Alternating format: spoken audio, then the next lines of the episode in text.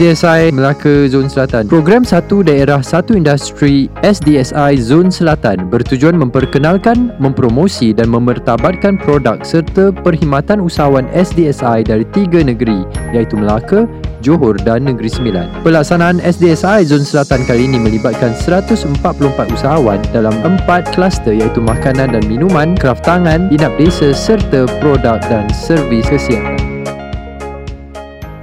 Assalamualaikum, salam sejahtera. Okey, kita dah berada di showcase uh, produk yang kedua. Ah, ini daripada Negeri Sembilan pula. Ha, kita loncat daripada Johor Darul Takzim tadi, kita seberang, kita melangkah Melaka ha, dan kita pergi ke Negeri Sembilan. Ha, sebab kejap lagi baru kita pergi ke Melaka, patah balik semula ke Melaka. Tapi ini adalah usahawan-usahawan Negeri Sembilan. Betul, Bat? Betul eh? Okey. Ha, Negeri Sembilan eh, Onogori. Okey, bersama saya di uh, atas pentas ini adalah um, di sebelah kiri saya iaitu um, Puan Nur Marini Arifin daripada Chovis. Betul sebutannya? Betul-betul tuan. Ah, Chovis. Okey, panggil saya Arizal. Okey, saya uh, daripada sebagai pada EFM. Okey, dan juga di tengahnya adalah Miza, Puan Miza Omar daripada Rehan Global Food Sdn Bhd. Ya, betul. Okey, dan di hujung sekali jejaka uh, Badrul daripada Cigan. Ah, saya rasa saya tak tak perlu perkenalkan sebab ramai yang dah tahu dia, dah kenal dia dan saya pun dah kenal dia. Kita pernah temu bual dia di uh, Konti EFM di Cyberjaya sebelum ni. Uh, kita dah tahu juga produk-produk dia tapi kali ini kita akan pedalamkan lagi apa produk-produk yang dibawa ke uh, SDSI ini. Alright dan kita mulakan dengan uh, puan um, puan Rini eh. Saya panggil Rini je lah eh. Uh, lebih manis dan lebih sweet katanya. Ya, orang itu sweet kan? Uh, uh, sweet sangat. Okay. Puan Rini, boleh terangkan berkenaan Chovers dan apa produk sebenarnya yang dibawa di sini ni nak diperkenalkan? Uh, Okey, Assalamualaikum. Waalaikumsalam warahmatullahi Okey. Uh, saya daripada company Raudah Rich Food and Trading uh-huh. uh, dan saya membawa produk sambal ikan bilis chovis ni uh-huh. di mana sambal ikan bilis chovis ni adalah satu-satunya sambal ikan bilis kering. Uh-huh. Okey di mana keistimewaan sambal ikan bilis saya ni mm-hmm. adalah pertamanya dia 100% mm-hmm. kita menggunakan cili api merah. Oh, okey. Okay. Hmm. Uh, dan biasa uh, di pasaran kebanyakan orang jual cili kering. Betul. Okey, tapi untuk Chovis punya brand kita hmm. pakai 100% cili api merah. Hmm. Uh, lepas tu kita menggunakan ikan bilis grade AAA. Wow. Tak ada kepala. Uh, dan lepas tu kita telah hmm. mendapat persijilan halal JAKIM. Alhamdulillah. Uh, dan kita juga uh, apa diadun dengan bawang-bawang segar. Mm-hmm. Uh, jadi bau dia tu wangi. Mm-hmm. Uh, dan lagi satu yang paling best sekali, mm-hmm. sambal ikan bilis chovis ni mm-hmm. adalah satu-satunya sambal yang di pasaran menggunakan kotak mm-hmm. uh, sebagai packaging. Cantik kan? Untuk ha, cantik kan? Kalau nampak ha, ni memang boleh bagi hadiah juga kat orang ni. Kalau ha, macam ni lah yeah. packaging dia. Ha. Jadi dalam dia ni dalam bentuk uh, stand posh mm-hmm. di mana ada zip lock. So oh. puan-puan dan tuan-tuan boleh senang nak bawa, lepas mm-hmm. tu senang nak simpan, mm-hmm. uh, tak payah fikir apa-apa ditahan 6 bulan. Wow, ha, lama tu Kalau tak buka dia tahan setahun. Hmm, ha, jadi kalau, kalau dah buka terus, lama-lama pun bertahan. Ah uh, dia tahan. Dan okay. paling best dia rangup. Ah, ha, saya dah rasa dah semalam. Ah, ha, saya dah rasa saya lalu uh, dekat uh, bosnya memang sedap. Ah, saya dah rasa dah. Memang diakui memang sedap. Ah, terima kasih. Ah, dia sebenarnya sedap dimakan dengan apa? Ah, dengan uh, bubur panas. dimakan dengan bubur panas, uh, dengan nasi, nasi panas, panas, dengan roti. Uh. Dan kalau uh, puan-puan dan tuan-tuan nak tahu kalau makan dengan sup ke dengan Maggi ke pun memang sedap. Mm. Sebab ikan bilis dia tetap crunchy. Hmm, uh. Dia tak lembik kan. Kadang ada tu ada bila masuk dalam. lemau kan. Uh, lemau tapi yang ni dia dalam still air, crunchy.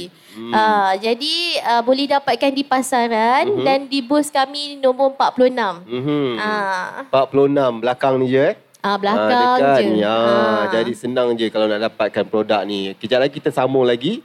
Ha, simpan dulu, simpan dulu. Okey, panjang dia cerita ni. Okey. Alright, kita teruskan dengan uh, Puan Miza uh, daripada Rehan Global Food Sdn Bhd. Banyak ni nampaknya yeah. produk yang dibawa ni. Okay. Uh, apa produk-produknya? Okey, produk yang dibawa daripada Rehan Global Food adalah merupakan rempah ratus, Mhm. masakan dan paste masakan. Mm-mm. So rempah ratus ni merupakan uh, uh, apa perniagaan family Mm-mm. dari uh, daripada generasi ke generasi. Mhm. So Generasi ke berapa ni sekarang? saya generasi ketiga dah. Oh, ketiga. Ah, Okey. ketiga dah. So uh, kami uh, ramuan dia ramuan memang ramuan daripada turun temurun lah. Mhm. And then dia punya um, cara dia masak dia Mhm. totally different daripada yang lain. Memang kita Mhm. masih uh, menggunakan uh, apa traditional cara traditional. Mhm. Ni antara produk-produknya. Ada berapa produk ni yang dibawa ni? Uh, untuk rempah ratus kita Mhm. mempunyai lima jenis Mhm. uh, iaitu rempah sup, Mhm. rendang rembau Mhm. atau rendang hitam orang panggil. Okey, ya, And then rendang kita hitam. ada Mhm. uh, rempah kari Melayu, Mhm. uh, rempah soto dan rempah goreng seberguna. Hmm. Uh, rempah goreng seberguna ni ber, memang seberguna Aha. sebab dia boleh buat untuk perapan, untuk barbecue dan untuk menggoreng. Oh, banyak kegunaannya. Banyak. Yang dalam botol ni? Untuk paste yang Mhm. dalam botol tu merupakan paste soto Okey. dan paste kari dan kami Mhm. juga ada paste rendang rembau. Mhm. So in, ini untuk menyenangkan, memudahkan untuk wanita-wanita yang berkejaya dan ibu apa yang sibuk. Nak cepat. Nak cepat. Campak, Orang campak, bujang pun siap. sebenarnya senang. Nak. Kan? Yang tak sempat nak pergi kedai makan, nak Ah. pergi nak memasak tu kan. Ha, jadi memang nak cepat nak tambah pula nak puasa ni kan. Yes. Ha, Ramadan ni kan mungkin tak sempat nak berbuka nak pergi bazar Ramadan dah ada just balik rumah terus panaskan. Ha, dan juga kalau nak bersahur tu pun kalau tiba-tiba dah nak masuk waktu imsak tu sempat lagi kan. Sempat. Ha, sempat untuk memasaknya. Jadi terus makan panas-panas. Alright. Okay, kejap lagi kita sambung lagi. Yep. Kita terus kepada uh, abang kita yang di depan ni. Ha, Badrul namanya daripada Cigan. Ha, okey Badrul. Apa yang dibawa uh, ke atas pentas ni? Nampak macam best saja. Okay, uh, basically kita datang SDSI ni Mhm. sebagai identiti Cigan Worldwide. Okey. Okay, di atas pentas ni ada tiga produk dan Mhm. anak syarikat Cigan Worldwide Okey. iaitu Tomatis Aha. yang jual dimsum yang Mhm. dibuat 100% Mhm, oleh ini Muslim produknya. Bumi Putra. Ha, ni produknya. Ha, Dia ada pelbagai flavor. Nah, Mhm. saya recommend semualah. Betul. Saya dah rasa dah. Memang sedap. Ha, memang sedap dan senang dimasak.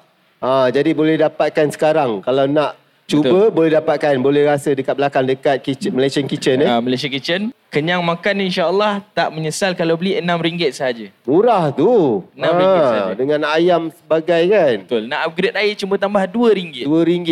Jadi RM8. Sangat murah. Betul. Ha, jadi kalau anda tiba-tiba terasa lapar tu, cepat-cepat. Dah dah habis katakan, masak lagi Ah, semula. kita tengah masak lagi sekali. Tengah masak lagi. Ha, begitu hebatnya sambutan ha, orang-orang Melaka. Alright, okay. Dan um, dimsum ni ada berapa perasa Okey. sebenarnya ni? Dimsum ni kita ada corn, chicken mushroom, chicken black pepper, Mhm. seafood dia ada shrimp dengan uh, squid. Mhm. Lepas tu kita ada salted egg dengan buttermilk. Ah, Saya individually suka buttermilk. ya, betul. Tapi buttermilk Saya suka semua. out. Oh. s- Sama. Okay.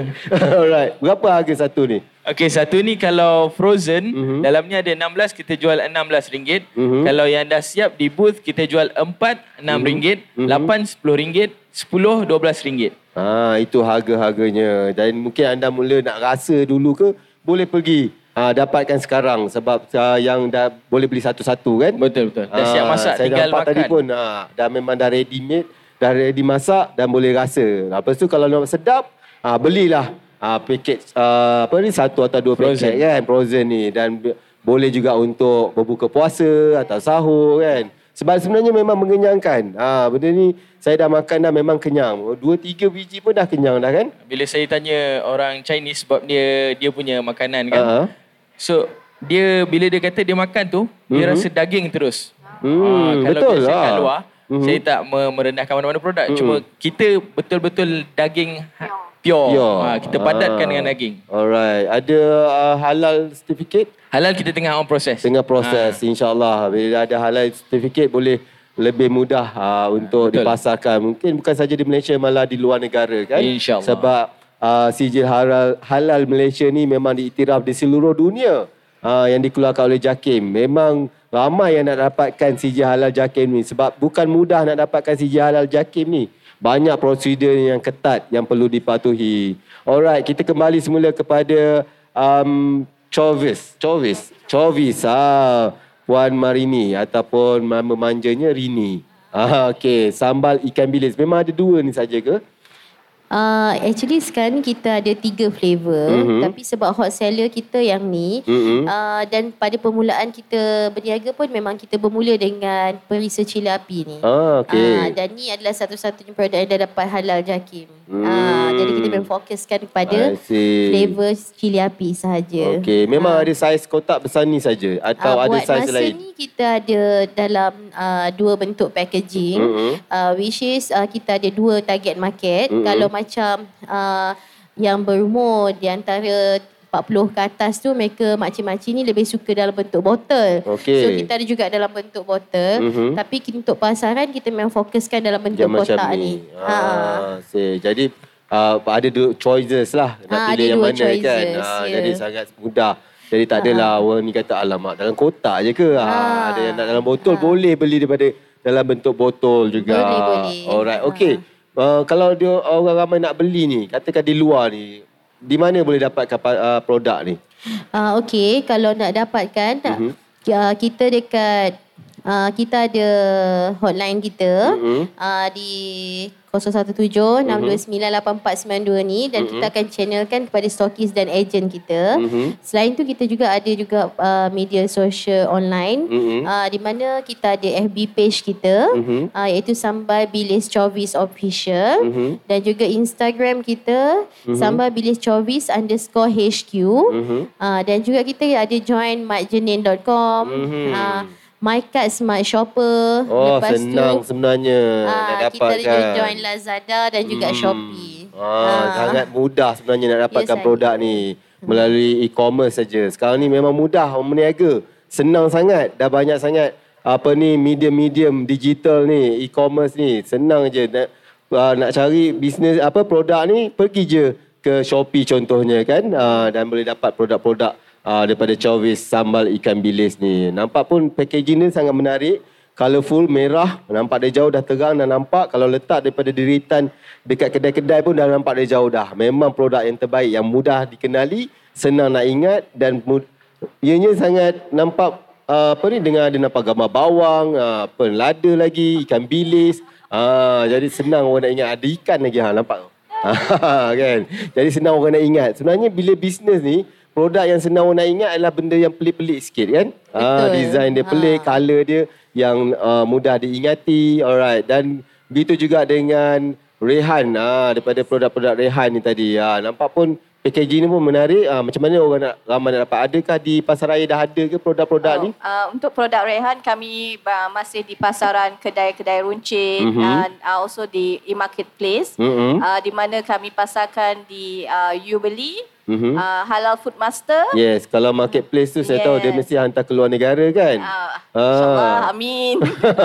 okay. Halal Food Master seperti Lazada, Shopee is common, yes. very common. And Aha. then also di Shah Alam, Mhm. di kedai-kedai di Shah Alam. Mhm. Uh, and then di our um, uh, kita punya website Mhm. www.rehanfood.com Mhm. and also our FB page is Mhm. Rempah Rehan atau Mhm. Rehan Food Spices Mhm. dan Instagram kita. Okey, jadi mudah sebenarnya. Yes. Kalau nak membelinya dah tak payah nak pergi lagi kedainya. Betul. Ah, melalui internet je. Ah, tekan-tekan-tekan, ah, dapatlah. Ah, pergilah order kat sana. Boleh boleh dihantar secara post kan? Kita boleh hantar melalui post Mhm. uh, atau yang mana dekat-dekat kita boleh uh, delivery boleh lah. delivery lah. Ah, kalau And boleh. then kita also fokus pada uh, caterer restoran yang memerlukan rempah ratus kami Mhm. uh, atau untuk hotel sebab kita dah ada uh, sijil persijilan halal Mhm.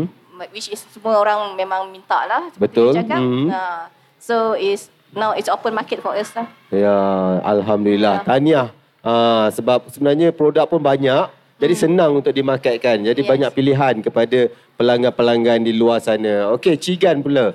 Ah, bagaimana nak dapatkan produknya? Katanya ada di Shah Alam kan? Ah, betul. Ha. InsyaAllah Shah uh, kita punya central kitchen Aha. uh, tapi kita punya asal dari Negeri Sembilan lah. Ha, dia sebenarnya Negeri Sembilan. Ha. Dia berhijrah sekejap je. Ha, dia berniaga ni sebenarnya kat mana-mana pun boleh. Kan? Ha, yang penting uh, macam mana marketing marketingnya nak buat. Uh, itu yang penting sebenarnya. Betul. Kan? Uh, di mana-mana pun boleh buat. Kan? Okey, teruskan Bat.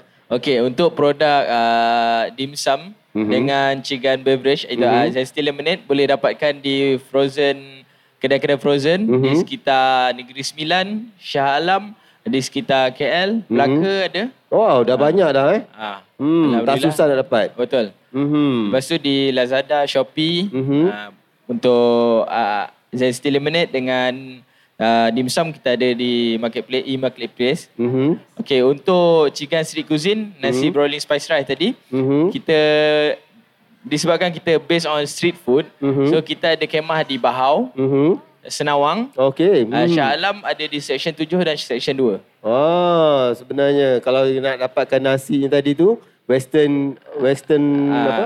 Biryani Western. Ah, uh, briyani eh, Ah, briyani. So, Ah, kat susah kemah tu, menyebutnya.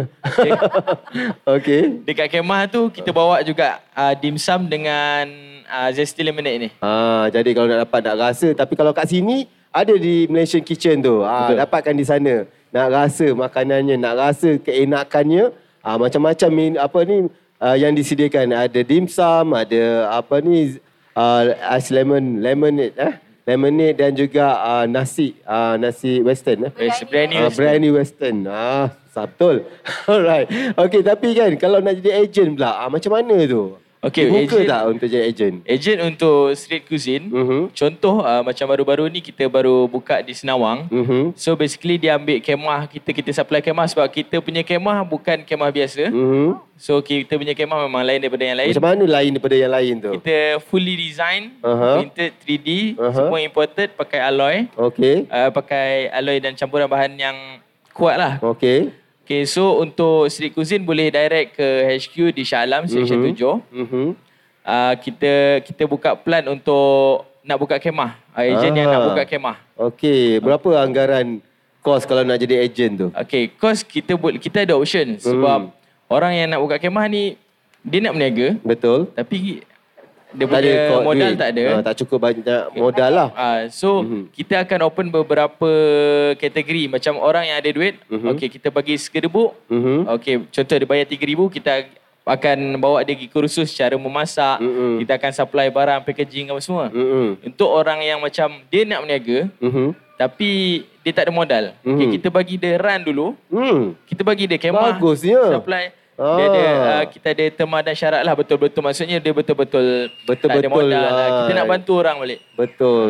Okey, saya sangat tertarik uh, dengan kaedah itu uh, sebab mereka ni anak muda sebenarnya. Betul. Berapa umur Bat? Saya umur saya 23. Ha, 23 tahun okey. Partnernya uh, si apa ni Amir berapa? Amir umur 25. 25 dan um, Ah, Fahmi 27. Fahmi 27. Bawah 30 tahun. Ha, mereka ni anak muda yang berwawasan, yang mempunyai visi dalam bisnes. Kita patut contohi seperti mereka kerana mereka sangat yakin sebab mereka ni sebenarnya uh, apa ni belajar dulu di uh, universiti juga kan tapi terus berniaga. Ha, tak pandang toleh ke belakang lagi. Memang mereka percaya bahawa bidang perniagaan ni yang mereka ceburi ni akan membuahkan hasil yang bagus yang lumayan untuk mereka. Tahniah kepada uh, Bad dan juga timnya uh, dan Cigan. Saya doakan supaya terus maju jaya. Terima kasih. Ah. Begitu juga semua yang ada kat sini insyaAllah. Jadi kepada anda semua jangan lepaskan peluang. Datang sekarang. Pergi serbu. Ah, serbu ke uh, booth Cigan di lot K15 di K15 Malaysia. ah, di Mal- Malaysia Kitchen. Ah, jadi serbu sekarang sebab dia orang dah siap masak rasanya tu. Ada mungkin. Ah, dah siap masak ataupun nak rasa ah, apa dimsumnya ke atau lemonade-nya ke boleh dapatkan sekarang sebelum kehabisan stok sebab Betul. harga sekarang pun tengah tawaran murah ah, sebe- sampai besok Sampai pukul besok 5. saja. Ah, lepas tu dah harga normal nak mencarinya dah susah juga bukan susah lah nak kena order nak kena apa ni sekarang depan-depan mata kita Betul. Ah, jadi jangan lepaskan peluang tersebut alright dan um, Puan Rini. Ah Puan Rini pula. Ah kita Puan dulu Miza. kan Puan Miza dulu. Miza. Ah Puan Miza. Ah Miza daripada Rehan. Okey. Um bagaimana ada cari uh, buka pada untuk ejen ke? Uh, buat masa ni kita tak buka untuk ejen. Oh, kedekut. Dia tak bagi. dia nak untung seorang. tak kan? Okey. Saya gurau je. Ya, untuk menyenangkan kita pergi pada distributor dengan uh, retail lah.